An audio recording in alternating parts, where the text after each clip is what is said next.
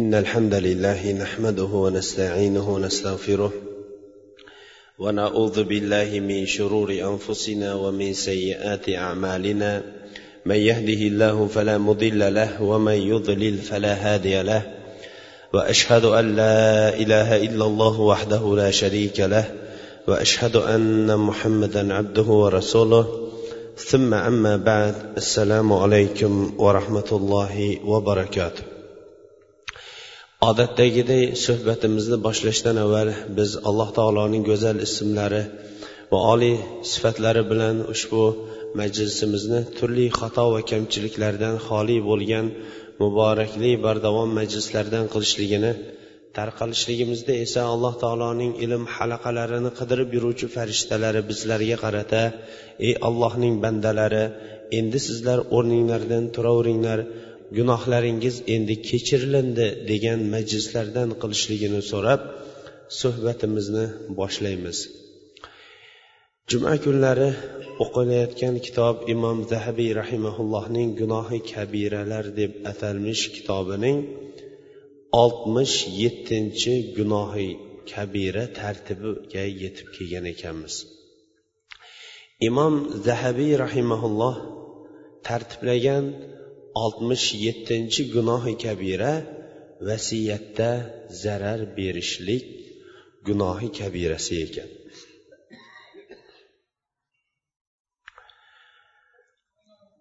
Alloh subhanahu va taolo yer kurasiga odam farzandlarini yaratar ekan. Ularni odillik bilan o'rtada saodatli hayot kechirishlik uchun hayotlarining barchalari saodatli bo'lishligi uchun ular uchun ma'lum bir mezonni nozil qilib qo'ydi. Bu ham allohning buyuk marhamati va rahmatidanki odam farzandini yaratishligining o'zi katta insoniyat uchun bir minnat edi. Qancha qancha ne'matlarni berishligining o'zi ham bir katta minnat edi. Lekin yaratib shuncha ne'matlarga g'arq qilishligi bilan birga uni shunday behuda tashlab qo'ymasdan ma'lum bir mezon o'lchov qonun qoida asosida yashashlik uchun o'zining elchilarini jo'natdi ular bilan kitoblarini tushirdi va bunga amal qilishlikka insonlarni chaqirdi.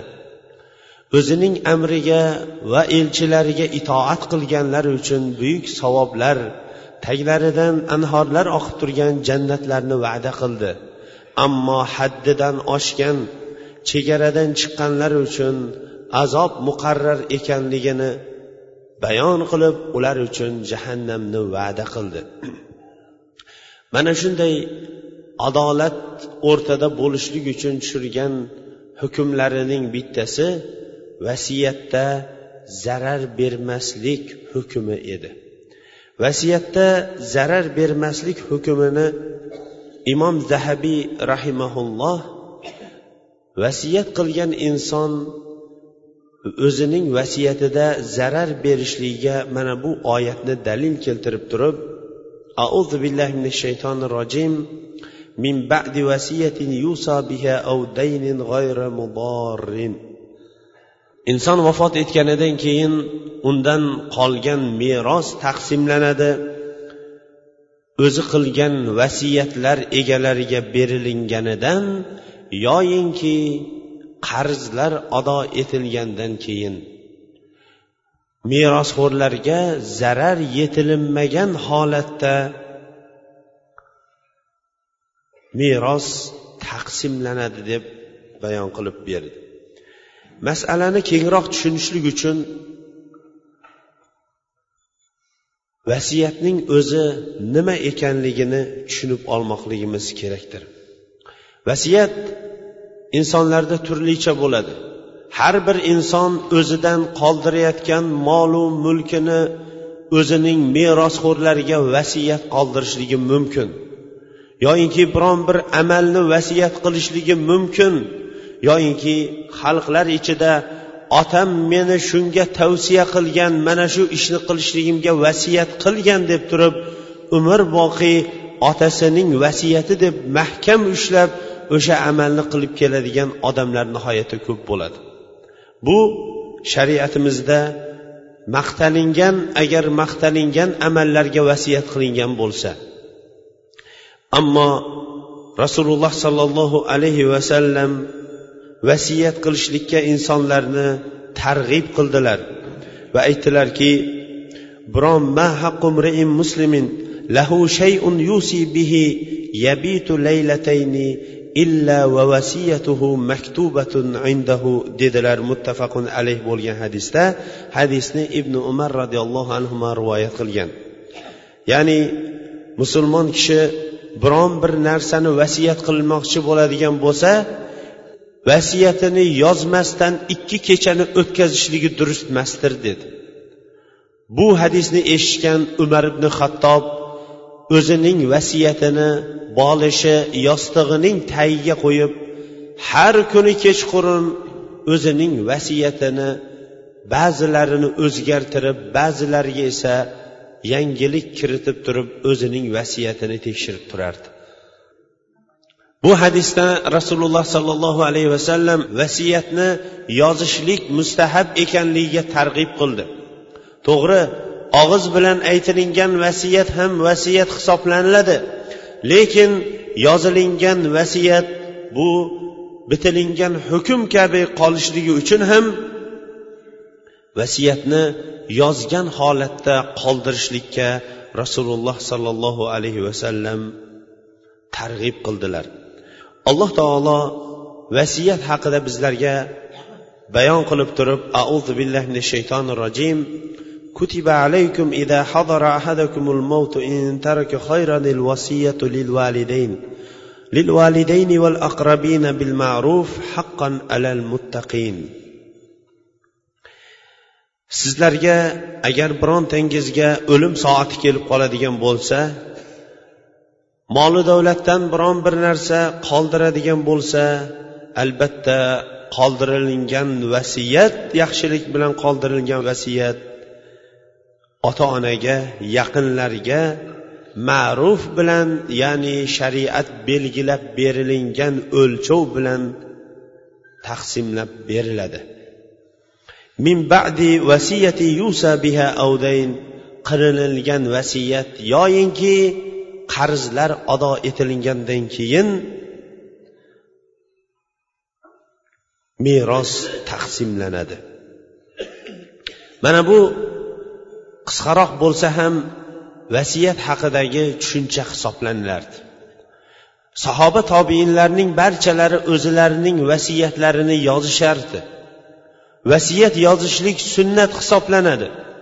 Men falonchi o'g'li falonchi qiladigan vasiyatim deb turib ular o'zlarining vasiyatlarini daftarga yozishib qoldirishardi vasiyatlariga ulardan qolganlar amal qilishardi va shariatga muvofiq bo'ladigan bo'lsa amal qilishardi ba'zilari vasiyatlarini ahli ilmlarga ko'ldarang qilib turib noshar'iy biron bir narsani vasiyat qilib qo'yishligidan qo'rqishardi endi imom zahabiy rahimaulloh mana shu o'rinda keltirgan gunohi kabira inson vafot etayotgan vaqtida o'zining zurriyotlarining birontasidan g'azablangan holatda mol davlat unga kamroq qolishlik uchun o'zgalarga vasiyat qilib yuborishlik gunohi kabira ekanligini bayon qilyapti. Aytaylik biron bir farzandi yoki biron bir yaqinlari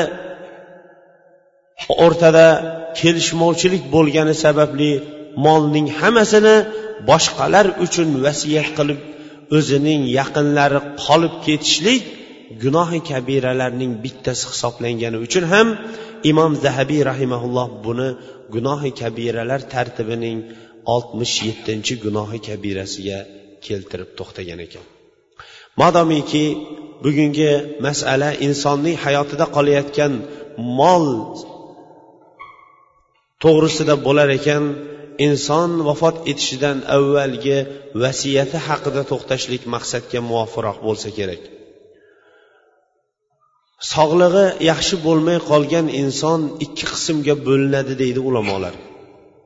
Birinchi qism bu yaxshi bo'lib ketishligi umid qilingan va biron bir og'rig'i uni halokatga o'limga olib borib qo'yishlik xavfi bo'lmagan og'ir kasallik ikkinchisi esa yoshi keksaygan uning ustiga dardi ham og'ir bo'lganligi uchun shu dardi sababli vafot etib ketishligi mumkin bo'lgan kasallikdir.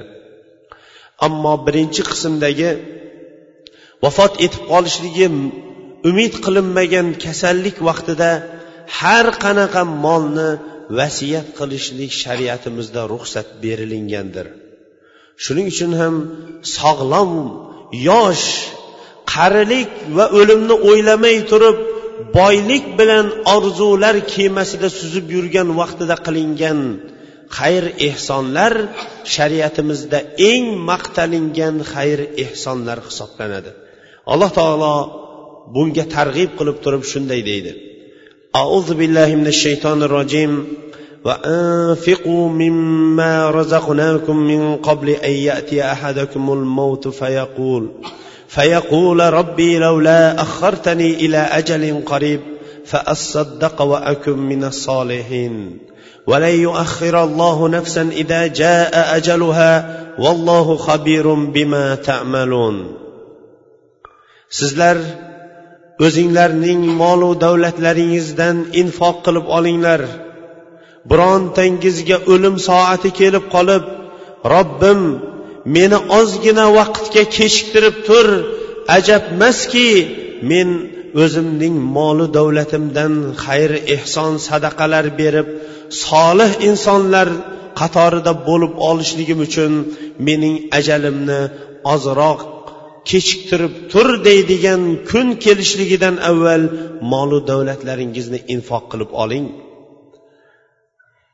Keyingi oyatda esa buning hukmini bayon qilib alloh taolo biron bir jonning olinishligini o'z vaqtidan kechiktirmaydi agar o'lim soati keladigan bo'lsa.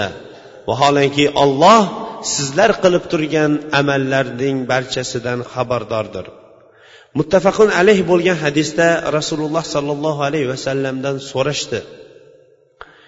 أي الصدقة أعظم أجرا قال أن تصدق وأنت صحيح شحيح تأمل الغنى وتخشى الفقر ولا تمهل حتى إذا بلغت الحلقوم قلت لفلان كذا ولفلان كذا وقد كان لفلان رسول الله صلى الله عليه وسلم دن qaysi bir qilingan xayr ehson sadaqa savobi kattaroq deb so'raganda rasululloh sollallohu alayhi vasallam o'zingiz sog'lom baquvvat va pul berishlikni yoqtirmay baxil baxil bo'lib turgan vaqtingizda berilingan sadaqa yaxshidir. Bu vaqtda siz boy bo'lishlikni orzu qilib faqirlikdan qo'rqib turgan vaqtingizda qilingan sadaqa yaxshidir. Ammo halqumingizning bo'g'ziga jon kelgan vaqtida falonchiga munchani berib yuboringlar falonchiga munchani falon molni berib yuboringlar degan u unchalik bo'lmaydi. Chunki u vaqtda mollarning o'zi falonchilarniki bo'lib ketadi dedi. Shuning uchun ham shariatimizda sog'lom vaqtda qilingan har qanaqa xayr ehson u ruxsat berilingan hisoblandi.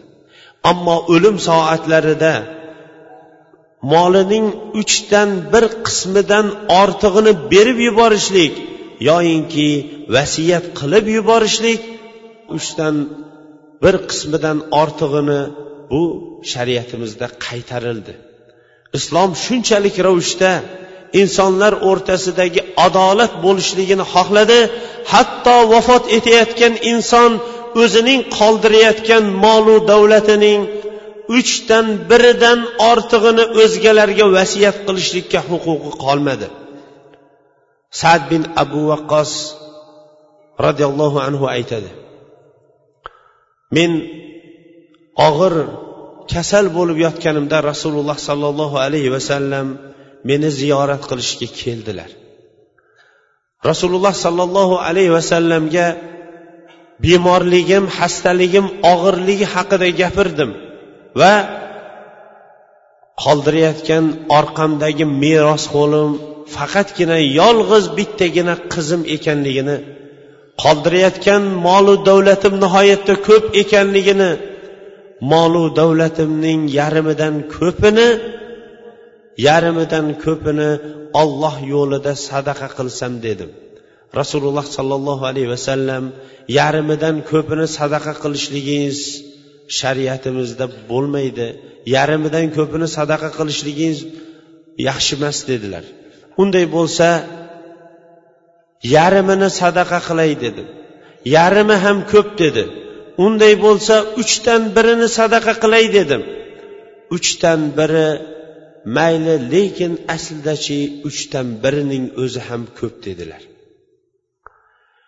Siz dedilar gaplarining davomida o'zingizdan qolayotgan zurriyotlaringizni faqir holda o'zgalarga qo'lini ko'targan holda qoldirganingizdan ularni o'zgalardan behojat boy holda qoldirganingiz yaxshiroqdir dedilar. Shuning uchun ham islomda vafot etishdan avvalgi qilingan vasiyat insonning molu davlati uchdan birigagina kuchi yetar ekan undan ortig'iga kuchi yetmay qolar ekan. Ana undan keyin ulamolarning o'zilari ham uchdan biri va uchdan ko'pi haqida ulamolar o'zilari ixtilof qilishgan ekan. Abu bakr roziyallohu anhu aytgan ekan men rozi bo'lardim olloh o'z nafsi uchun rozi bo'lgan narsaga. Olloh janglardan tushgan o'ljaning beshdan biriga o'zi uchun rozi bo'ldi. Vafot etayotgan inson vasiyatida molining beshdan biridan ortig'ini vasiyat qilmasaydi deb aytardim degan ekanlar. Usmon va ali roziyallohu anhular esa vafot etayotgan inson molining to'rtdan biridan ortig'ini vasiyat qilmasa deb aytgan bo'lardik degan ekanlar. Ba'zilar esa oltidan biri qo'yingki butun ulamolarning hammalarining ittifoqi ham uchdan biridan oshirib yubormaslik iloji bo'lsa undan ham kamroq qilishlik. Chunki rasululloh sollallohu alayhi vasallam uchdan biri ham ko'proqdir deb aytdilar. Vasiyat shariatimizda targ'ib qilingan amal bo'lganligi uchun ham vasiyat qilishlikka avvalgilar targ'ib qilishgan. Vasiyat hattoyinki yaxshilik ishlariga hayotdan keyingi qilinadigan o'zining ortidan qilinadigan har qanaqa savobli ishlarga ham nafaqat molu davlatga balki yaxshilik ishlarga ham uni yuklab qo'yishlikka buyurilingan mustahab bo'lgan amallarning bittasi hisoblanadi. Aytaylik bir kishi vafot etayotganida o'zining qoldirayotgan katta mablag'ining bir qismini mana shu mablag'im bilan qarindosh urug'larga ham bog'lanib turinglar yoyinki mahallaning ko'chalarini to'g'irlab qo'yinglar yoyinki biron bir suv chiqmay turgan joylardan suv chiqaringlar deb ham vasiyat qilishligi ruxsat berilingan. Lekin vasiyat hali yuqorida biz ishora qilganimiz kabi xat bilan yozib qoldirishligi bu afzal hisoblanadi. Ibn abbos roziyallohu anhu aytgan ekanki agar odamlar vasiyatlarini to'rtdan biridan molu davlatda oshirmasalar edi. Chunki rasululloh sollallohu alayhi vasallam as vassulusu va kasir uchdan biri vaholanki uchdan biri ham ko'p degan edilar degan ekanlar.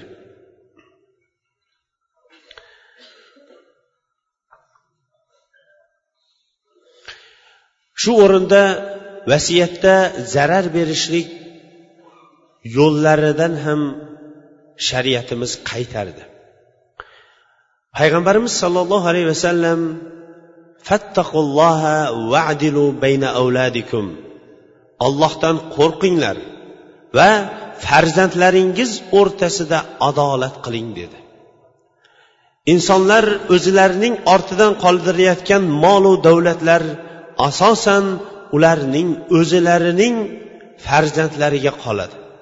Shuning uchun ham rasululloh sollallohu alayhi vasallam ollohdan qo'rqinglar va farzandlaringlar o'rtasida adolat qilinglar dedi. Farzandlar o'rtasida adolat qilinglar degan hadisni eshitgan sahobalar aytadiki biz hattoki farzandlarimizni o'pib qo'yishlikda ham o'rtasida adolat qilardik. Birontasini o'pib qo'yadigan bo'lsak adolat bo'lsin deb turib boshqa farzandlarimizni ham o'pib qo'yar edik deydi. Vasiyat qilishlikda ham mana shunday adolatlar nazarda tutilgan holatda meros oladigan farzandlarning o'ziga vasiyat qilishlikdan ham shariatimiz qaytardi. Masalan aytaylik bir kishi vafot etishidan avval o'zining to'rtta farzandi bo'ladigan bo'lsa to'rtta farzandiga taqsimlangan vaqtda bir xil ravishda molu davlat taqsimlanishiga buyurdi. Ammo katta o'g'ilga muncha vasiyat ko'proq mablag' qolsin o'rtanchiga esa undan sal kamroq kichigiga esa undan ham sal kamroq to'rtinchisiga esa mana bu qolsin deb turib meros taqsim oladiganlarning o'ziga vasiyat qilishlikdan qaytarildi. Chunki alloh taolo merosni taqsimlashlikni o'ziga yaqin bo'lgan farishtaga yuklagani yo'q. Yuborilgan payg'ambarga ham yuklagani yo'q balki yetti osmon ustidan o'zi uni taqsimlab berdi. Qur'oni karimda meros oyatlari bilan alloh taoloning o'zi kim qancha ulush olishligini bayon qilib bo'ldi.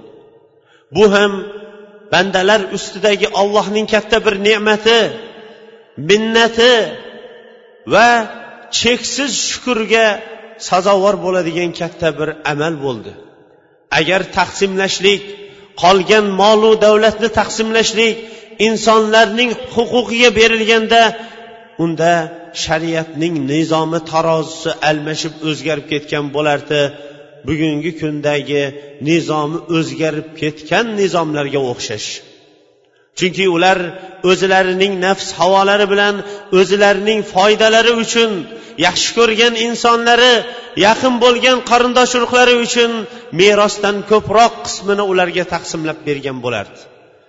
Ammo islom shariati bo'lsa uni biron bir farishtaga yo biron bir elchiga qo'ymagan holatda alloh taoloning o'zi yetti osmon ustida meroslarni o'zi taqsimlab berdi.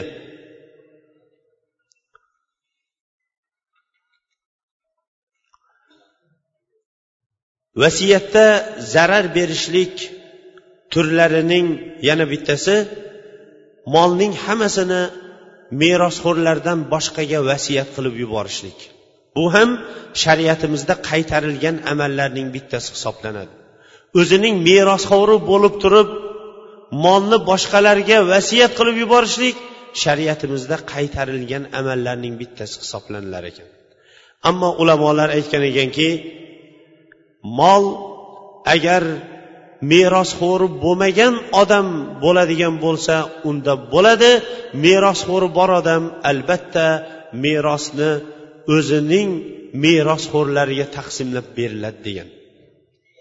Shariatimiz shunchalik ravishda adolatli bir din bo'lib insonlarga qiyomatgacha bo'lgan din bo'ldiki bugungi kunda ba'zan e'lon sahifalarida o'qib qolasizki insonlar uni inson deb albatta qabullamaydigan agarchi o'zgalar insondan ham buyuk qabullayotgan ba'zi bir uy hayvonlari yevropa va amerikada egasi o'lishligi bilan merosxo'ri bo'lib qolayotgan o'sha kuchukcha yoyinki mushuklarning milliarder bo'lib qolishligi uning sababi egasi faqatgina o'sha o'zining kuchugiga yoyinki uy mushug'iga vasiyat qilib ketib narigi tomonda o'zining og'ir yotgan akasi kasal bo'lib yotgan opa singillariga e'tibor bermagan vaqtda ular ham vasiyatga amal qilgan holatda gapirmaydigan aql yuritmaydigan o'sha hayvonlarga millionlab o'zlarining mablag'larini sarflab qo'yishligining o'zi ham insoniyat o'rtasidagi adolat tarozusini yo'qotganligidir. Ammo islom shariatichi.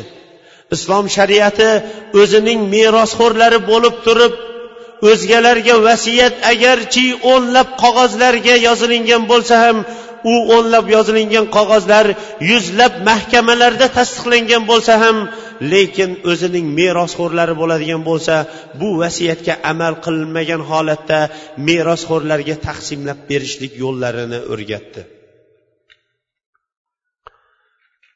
Vasiyatdagi qilinadigan amallarning yana bittasi vasiyat qilayotgan inson vasiyat qilinmishlarga biron bir zarar yetkazishlik niyati bo'ladigan bo'lsa ularning barchasi o'chiriladi. Uning turlari hali yuqorida bayon qilganimizday ba'zi bir merosxo'rlarni merosdan mahrum qilishlik farzandlar o'rtasida ko'proq mablag'ni yaxshi ko'rgan farzandiga qoldirishlik yomon ko'rgan farzandida vasiyatida merosdan mahrum qilishlik yoyinki merosning ba'zi qismidan mahrum qilishlik bo'lsa bularning barchasiga amal qilinilmaydi. Vasiyat odoblaridan yana bittasi vasiyatni o'zgartirishlik mumkindir. Va bu yuqorida bayon qilganimizdek umar ibn hattobday buyuk sahobalarning amalidir. Ular vasiyatni tiriklik vaqtida ham o'zgartirishgan agar shariatga qilingan vasiyat to'g'ri kelmaydigan bo'lsa u vafot etilingandan keyin ham o'zgartiriladi. Bo'lib ham shariatga to'g'ri kelmaydigan vasiyat bo'lsa.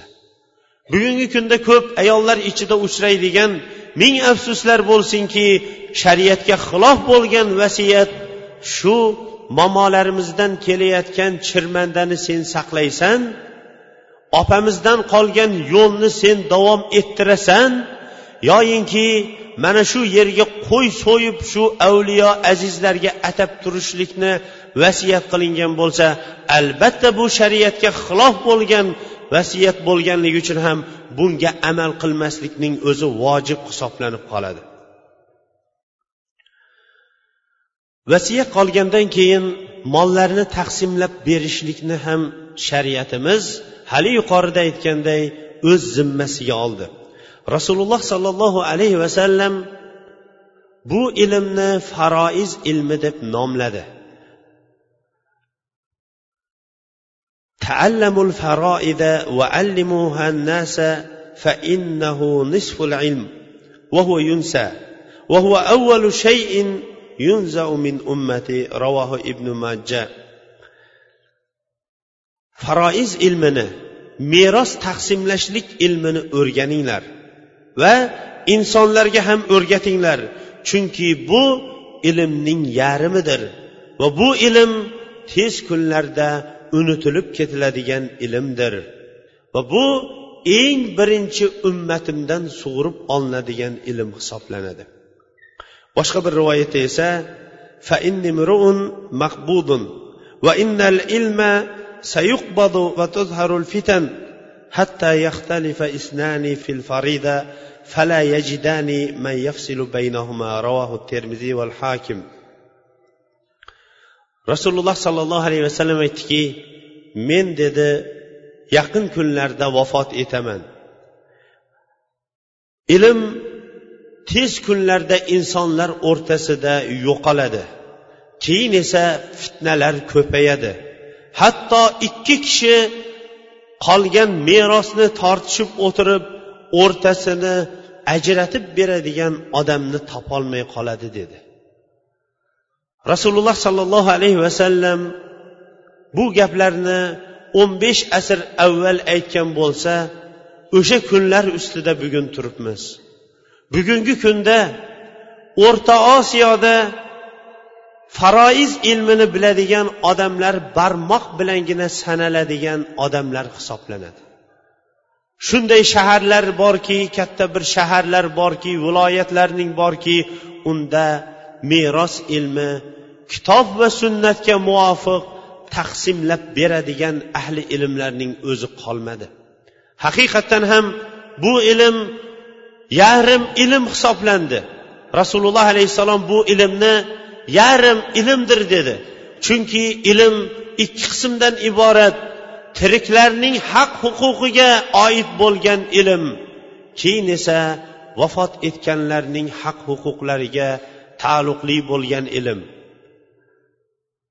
Vafot etganlarning haq huquqlariga taalluqli bo'lgan ilm bu faroiz meroslarni taqsimlashlik ilm hisoblanilardi ammo bu ilm rasululloh alayhissalom aytganday bu ummatdan ko'tarilib ketdi. Boshqa hadisda rasululloh sollallohu alayhi vasallam al ilmu salasatun وما سوى ذلك فضل آية محكمة وسنة قائمة وفريضة, وفريضة عادلة faridat va faridatun adila dedilar imom abu abu dovud va ibn majja abdulloh ibn amr roziyallohu anhudan rivoyat qilgan hadisda ilm uch qismdan iborat undan boshqalarning undan boshqa ilmlar fazilat hisoblanadi. Hukm qilib turgan oyatlarni tushunishlik qoyim bo'lib turgan sunnatlarni o'rganishlik va odil bo'lgan farz fariza ya'ni meros ilmini o'rganishlikdir dedilar. Alloh subhanava taolo qur'oni karimda meros olishlik ilmlari va kimga qancha meros tegishlik haq huquqlarini ham o'rgatib berdi.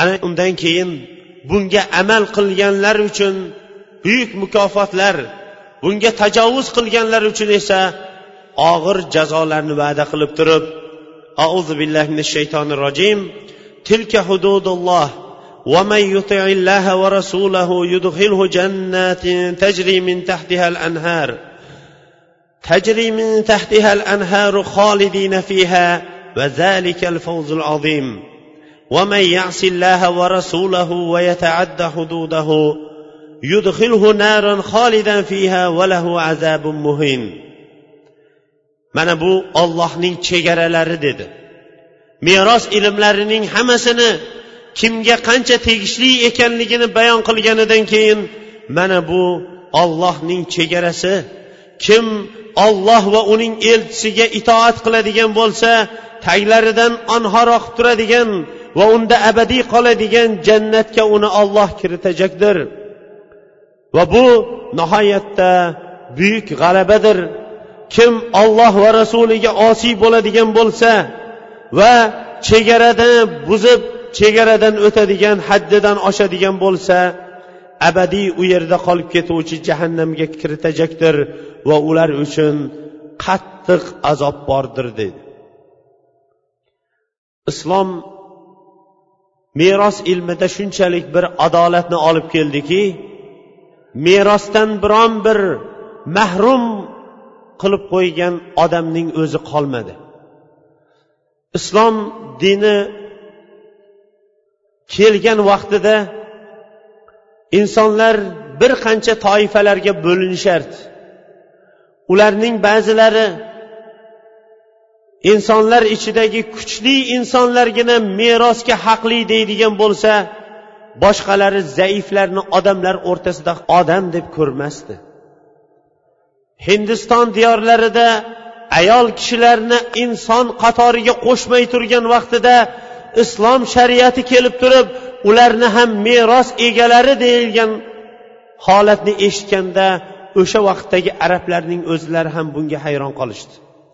Chunki arab diyorlarining o'zida ham qolgan molu davlatni otga o'tira oladigan qilichni ko'tara biladigan kuch quvvatga ega bo'lgan insonlargina o'zidan avvalgilardan qolgan meroslarni taqsimlab o'zlariga olishardi. Ayollar zaiflar yosh go'daklar uchun bu borada biron bir narsa nasiba ularga qolmagan. Ammo islom shunchalik buyuk bir adolat bilan keldiki inson vafot etgan vaqtida uning oilasidagi farzandlari xoh bu farzandlari o'g'il bo'lsin xoh qiz bo'lsin xoh bu farzand o'sha vaqtda o'zining ayolining qornida bo'lsa ham unga merosning bir ulushini berishlik adolati bilan islom keldi. Xoh bu farzand keyin tug'ilib keyin o'zining haqqini talab qiladigan bo'lsa o'rtada nizo chiqib qolmasin deb turib u tug'ilishidan avval uning ulushini bo'lib qo'ydi. Hatto qiz bola bo'lib tug'iladigan bo'lsa uning nasibasi bunday o'g'il bola bo'lib tug'iladigan bo'lsa uning nasibasi mana bunday deb bo'lib berib o'rtadagi butun nizom tortishib qoladigan adovatlarning hammasini ko'tarib yubordi. Ammo o'zgalarda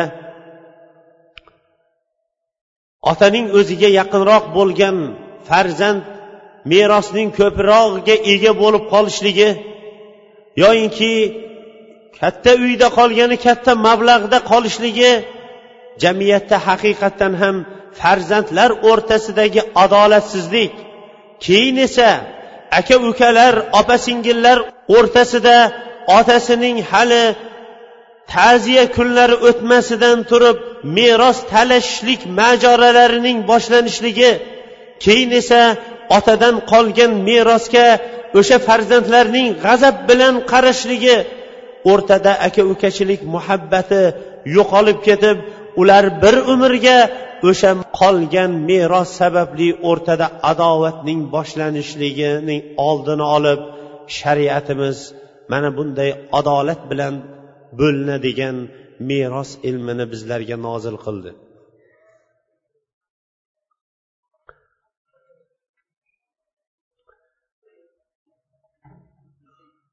Meros ilmi buyuk fazilatli va sharafli ilm bo'lib turib xos insonlar oldida dars qilib tayyorlaniladigan xos insonlar oldida o'rganiladigan ilm bo'lganligi va uni bir majlisning o'zida ham bayon qilinmaydiganligi uchun ham biz umumiy ravishda meros ilmining fazilatlari va unga amal qilishligimiz vojib ekanligi haqida bayon qildik.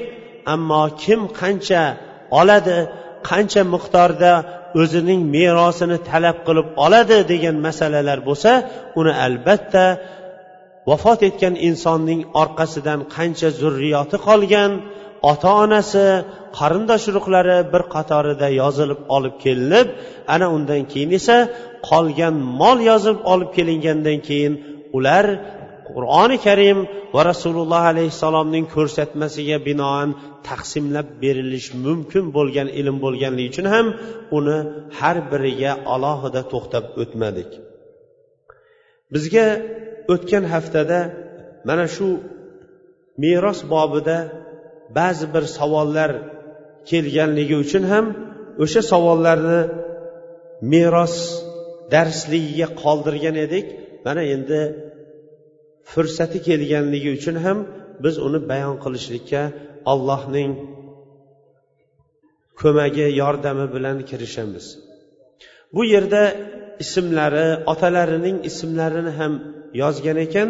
Biz otalarining ismlarini o'zini ismini aytib odamlar o'rtasida shov shuv ko'tarishlikka hojat yo'g'u lekin bu kishi bir qancha merosga taalluqli bo'lgan savol jo'natgan. Aytadi otamizdan ikki uy bir saroy va bir gektar yer meros qoldi. Otamizdan sal avval kenja ukamiz yigirma to'rt yoshida vafot etdi va o'ttiz yoshli bo'ydoq ukamiz kenja bo'lib qoldi. U men merosxo'rman otam mulki meniki deb sotib aroq ichsam ham haqim bor deyapti.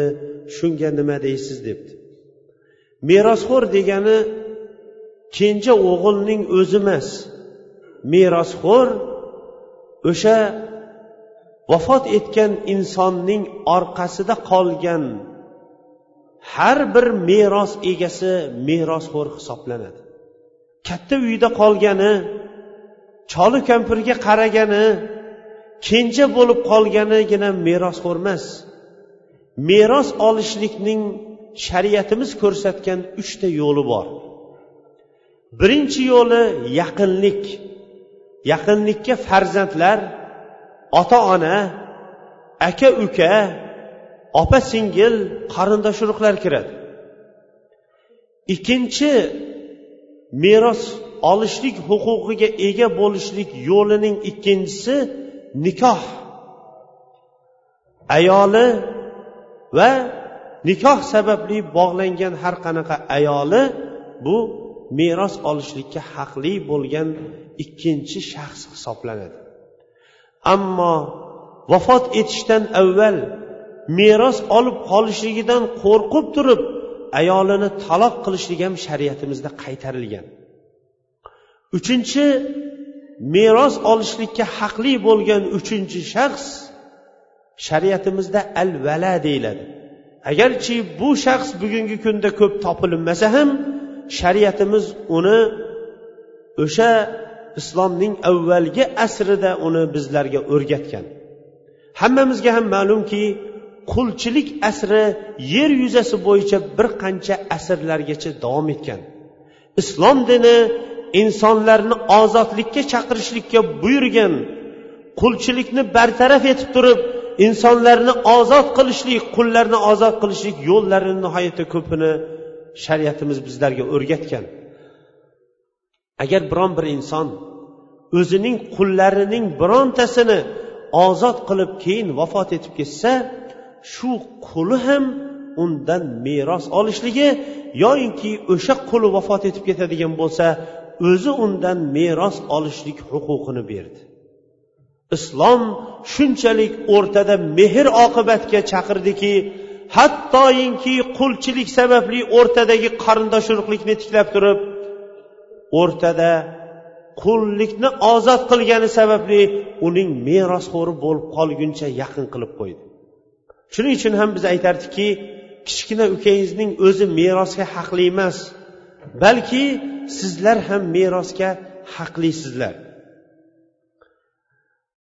otamiz tirikligida singlimiz beva bo'lib ikki o'g'li bilan otamizni keyin onamizni o'n yilgacha boqdi.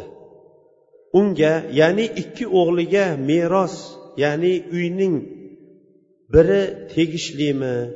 Agar ha bo'lsa ya'ni tegishli bo'lsa uyni ukamizga sottirib yetim haqqiga xiyonat qilgan bo'lamizmi deydi.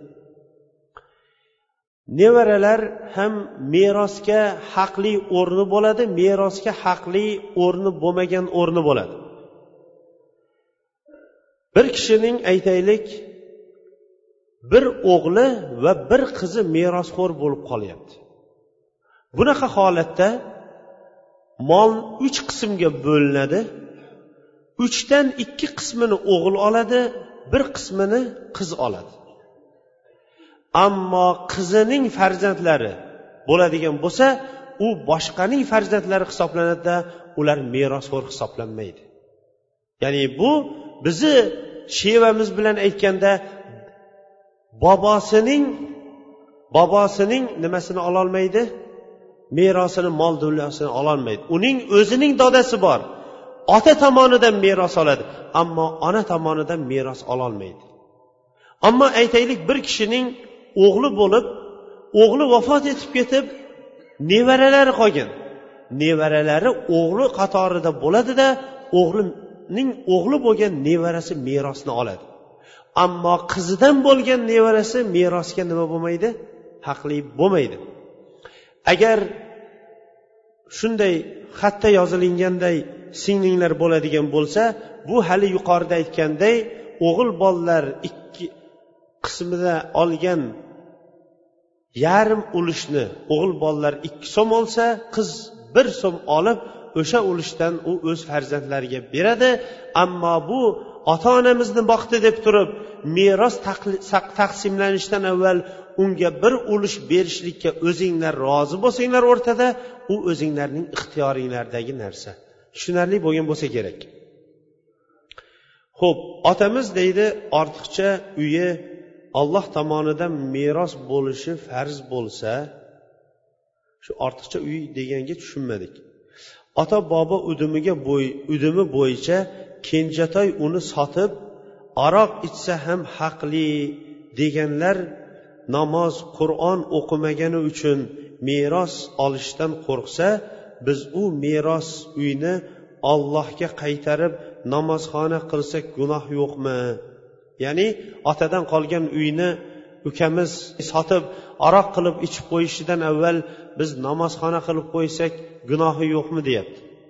Agar qolayotgan merosxo'rlarning hammasi ham bunga kelishib o'zlarining o'zlarining sharoitlari iqtisodlari yaxshi bo'lsa ruxsat.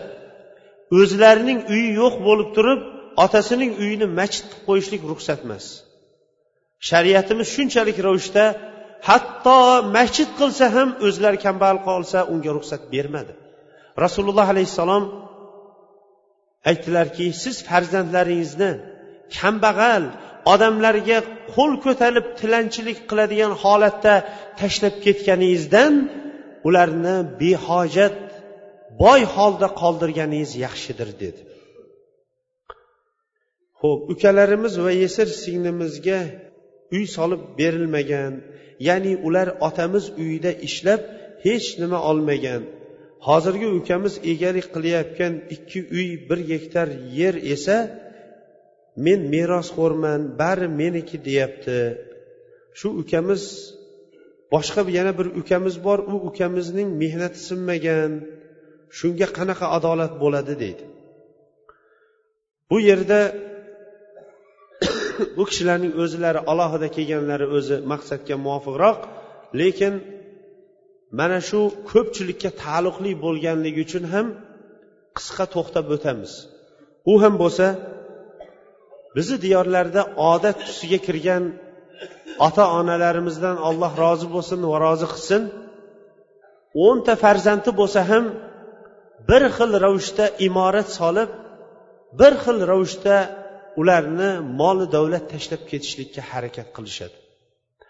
Agar o'nta farzandga yo undan ko'p bo'lsin kam bo'lsin bir xil ravishda imorat solib bir xil ravishda molini tashlab ketgan bo'lsa urfda shunga rozi bo'lgan bo'lsa unda bunga ruxsat berishgan mashayixlar ammo alloh taolo bu kishiga yana umr berib katta uyga alloh taolo o'sha kattalar bo'lganligi uchun barakasini berib turib katta uyda ota onaning katta mablag'i aylanib оборотda turib katta uyda kattaroq mablag' qolgan bo'lsa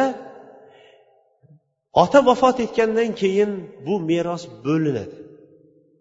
Uydan tashqari qolgan mablag' bo'linadi. Nima uchun uydan tashqari?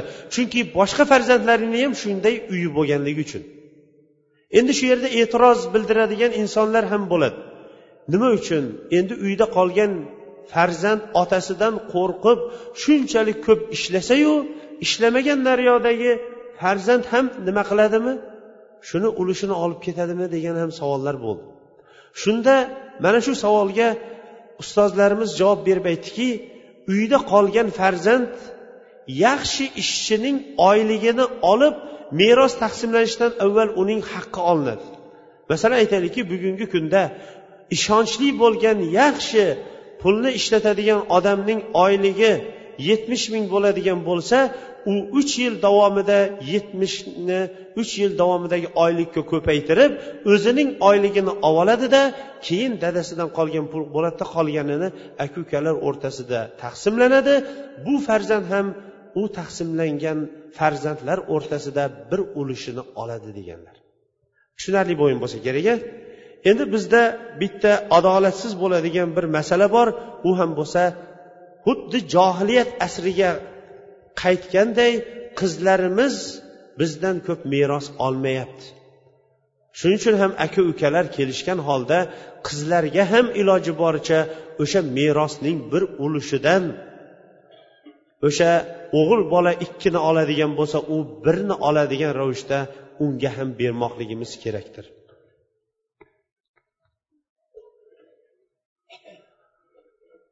Ho'p bu yerda nihoyatda ko'p xatlar kelibdi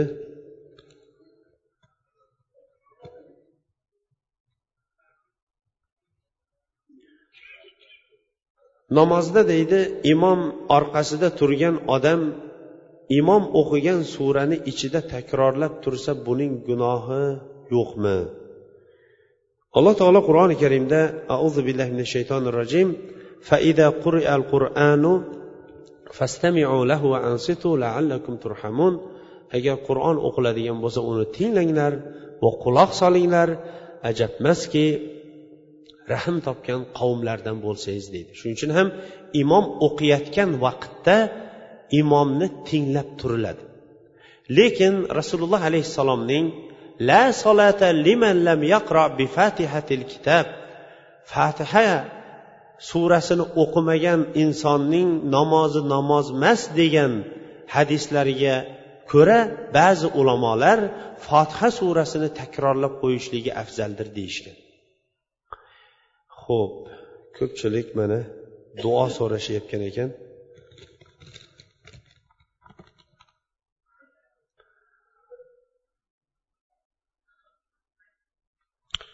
Ho'p hurmatli domla bizni mahallalarda namozni yaqinda boshlagan yigitlar shariatni to'liq bilmaydi. Odamlarga sening ichingda jin bor deb jin chiqarishyapti. Shu narsaga ularning ilmi yetarmikin? Albatta bunga chuqur tajriba va yaxshi ilmi bo'lgan yigitlar bo'lishligi va qur'onni to'g'ri o'qiydigan o'zi ham to'g'ri yaxshi himoyalangan yigitlar bo'lmoqligi kerakdir. Ho'p yangi mahallaga suv qazib chiqazibdi. Sahiylar shu mahallada suv qazib chiqarganga ehson qilibdi duo qilaylik debdi. Alloh rozi bo'lsin. Inshaalloh duo qilamiz.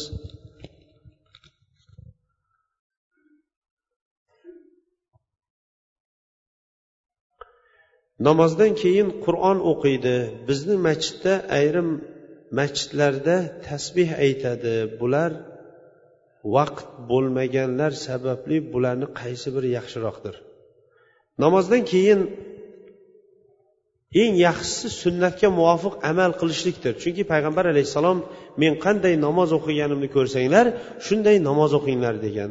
Namozdan keyin rasululloh alayhissalom uch marta istig'for aytardilar. Keyin allohumma antassalam va minkassalam. Keyin esa o'ttiz uch marta subhanalloh alhamdulillah allohu akbar. Keyin oyatul kursini keyin ixlos falaq nos suralarini o'qirdi. Bomdod va shom namozlaridan keyin uch martadan ixlos falaq nos suralarini o'qirdi va ba'zi bir zikrlarni o'qirdi. Mana shu sunnatga muvofig'i mana shudir. Ammo jo'r bo'lib hammasi jo'r bo'lib tasbeh aytishlar alhamdulillah hozir bizni diyorlarda yo'qolib qoldi. Ba'zi ba'zi masjidlarda bor ekan deb eshityapmiz. Shu masjidlarning imomlari shu yerga kelib anartay akamizni darslariga qatnashmaydigan imomlar bo'lgani uchun ham ularda hali ham o'sha o'sha eskilik e, shariatga to'g'ri kelmaydigan tasbehlar haliyam aytilayotganligi bizni qulog'imizga ham chalinib turibdi. Tezroq kunda ular ham sunnatga muvofiq bo'ladi degan o'ydamiz inshaalloh. Ho'p qirq farzning ichida namoz namozning ichida qiroat bor ekan. Lekin ayrim masjidlarda uchinchi va to'rt uch va to'rt rakatliklarda tez rukuga ketib qoladi. Ularga qiroat bo'lmaydimi? Agar fotiha surasini biz ichimizda o'qisak ayrimiga yetmasimizdan ular rukuga ketadi. Bu ham katta bir ofatlarning bittasidir. Rasululloh alayhissalom bunaqa tez o'qiganlarni namozini namoz deb hisoblamagan va namoz o'g'risi degan. Shuning uchun ham namozda eng katta talab qilingan narsa xushu huzu bilan o'qishlikdir. Albatta har bir rakatida qiroat qilishlik vojib hisoblanadi. Yana bir e, duo qilishlik nihoyatda bu yerda ko'pchilik duo so'rashgan. Biz hammamiz ham hamma hamma duo so'raganlarga inshaalloh duo qilamiz. Hammamizni ham mana xonalarimizni masjidimiz xonalarining issiq bo'lib turishiga tahoratlarimizni suvini isitib masjidimizga necha yildan buyon otasining vasiyatiga amal qilib kelgan yo'ldosh dodamizni hammamiz ham bilamiz. Yo'ldosh dadamiz o'tgan haftada qattiq tumanda avariya bo'lganlar qatorida avariya bo'lib e, qattiq shikastlanib mana reanimatsiyadan bir kun bo'libdi chiqqaniga biz ziyorat ham alhamdulillah qildik. Ko'pchiliklarga salom aytdi va bizni haqimiz u kishiga nisbatan ko'proq duo qilishlik. Shuning uchun ham hamma ham bu yerda duo so'ragan duoni vallohu alam o'sha kishidan boshlashligimiz va bu yerdagi mana har doim bizga duo qiladigan dodamizni ham haqlariga duo qilishdan boshlashlik maqsadga muvofiq bo'lsa kerak amin alhamdulillahi robbil alamin والصلاة والسلام على نبينا محمد وعلى آله وصحبه ومن اهتدى بهديه إلى يوم الدين اللهم تقبل منا إنك أنت السميع العليم وتب علينا إنك أنت التواب الرحيم ey robbim sening go'zal ismlaring oliy sifatlaring bilan so'raymiz. Bizlarning duo iltijolarimizni qabul qil. Toat ibodatlarimizni qabul qil. O'tgan juma bilan bu juma o'rtasida qilgan gunohlarimizni mana shu o'qiyotgan jumamizga kafforat qil. Kelgusi jumaga ham o'zingning toatingda yetishligimizga o'zing nasib qilgaysan. Ey robbim bemorlarimizga o'zing shifo ber. Dardlarini yengil qil. Chekayotgan qayg'u mashaqqatlarini hayotlaridagi xato kamchiliklari uchun kafforat qil. Shu yo'ldosh dodamizni ham tezroq saqayib islom va musulmonlarning xizmatiga qaytishlikka o'zing nasib qil. Farzandlariga oilalariga sabr qanoat ber. U kishining va barcha barcha bemorlarning dardlarini o'zing yengil qilgaysan. Ey robbim farzand so'rayotganlarga o'zlari o'ylagandan ham ortiqroq. O'zingning toatingda ko'rganda ko'zlarning quvonchi bo'ladigan salohiyatli farzandlarni ber. Ey robbim farzandlari bemor bo'lganlar ham duo qilishni so'ragan ekan farzandlariga ham shifo bergaysan. Ey robbim mahallalarimizdan xabar olib mahallalarga suvlar chiqarayotgan akalarimizni oxiratlarini ham dunyolarini ham obod qil. Ularni ostlaridan taglaridan suv oqib turadigan jannatlar bilan mukofotlagaysan. Ey robbim safarga chiqqanlarning safarlarini bexatar qilib iymon va amali solih bilan qaytishliklariga o'zing nasib etgaysan ey robbim xonadonlarimizdan iymon va amali solih bilan o'tgan ajdodlarni o'z rahmatingga ol. Ularning qabrlarini jannat bog'chalaridan bir bog'chaga aylantir. Ortda qolganlarning umrlariga o'zingning toatingda barakot ato etgaysan ey robbim kunlarni o'zgartiruvchi vaqtlarni buruvchi o'zingsan kunlarimizni yaxshilikka o'zgartirgaysan. Ob havolarni ham hammasini yaxshilikka islom va musulmonlarning yaxshiligiga burgaysan yog'dirgan qorlaringni barakotli xayrli qilgaysan turli ofatlardan saqlaydigan qorlardan yomg'irlardan qilgaysan. Bizlarning gunohlarimizni ham xuddi qorlar kabi bizlarni ham poklagaysan. Ey robbim bizlarni masjidimizga yordam berayotgan akalarimizni o'zing yordam ber. Ularning dunyo va oxiratlaridagi uylarini ham o'zing obod qilgaysan va shu masjid obod bo'lguncha qoyim bo'lib turgaysan. bugun ham mana akalarimizning ko'pchiliklari katta bir ehsonlarini qilishdi ehsonlarini o'z dargohingda qabul qil soya yo'q kunda ularni ushbu ehsonlari sababli soyalar bilan soyalantirib turgaysan ربنا آتنا في الدنيا حسنة وفي الآخرة حسنة وقنا عذاب النار وصلى الله تعالى خير خلقه محمد وعلى آله وصحبه أجمعين برحمتك يا أرحم الراحمين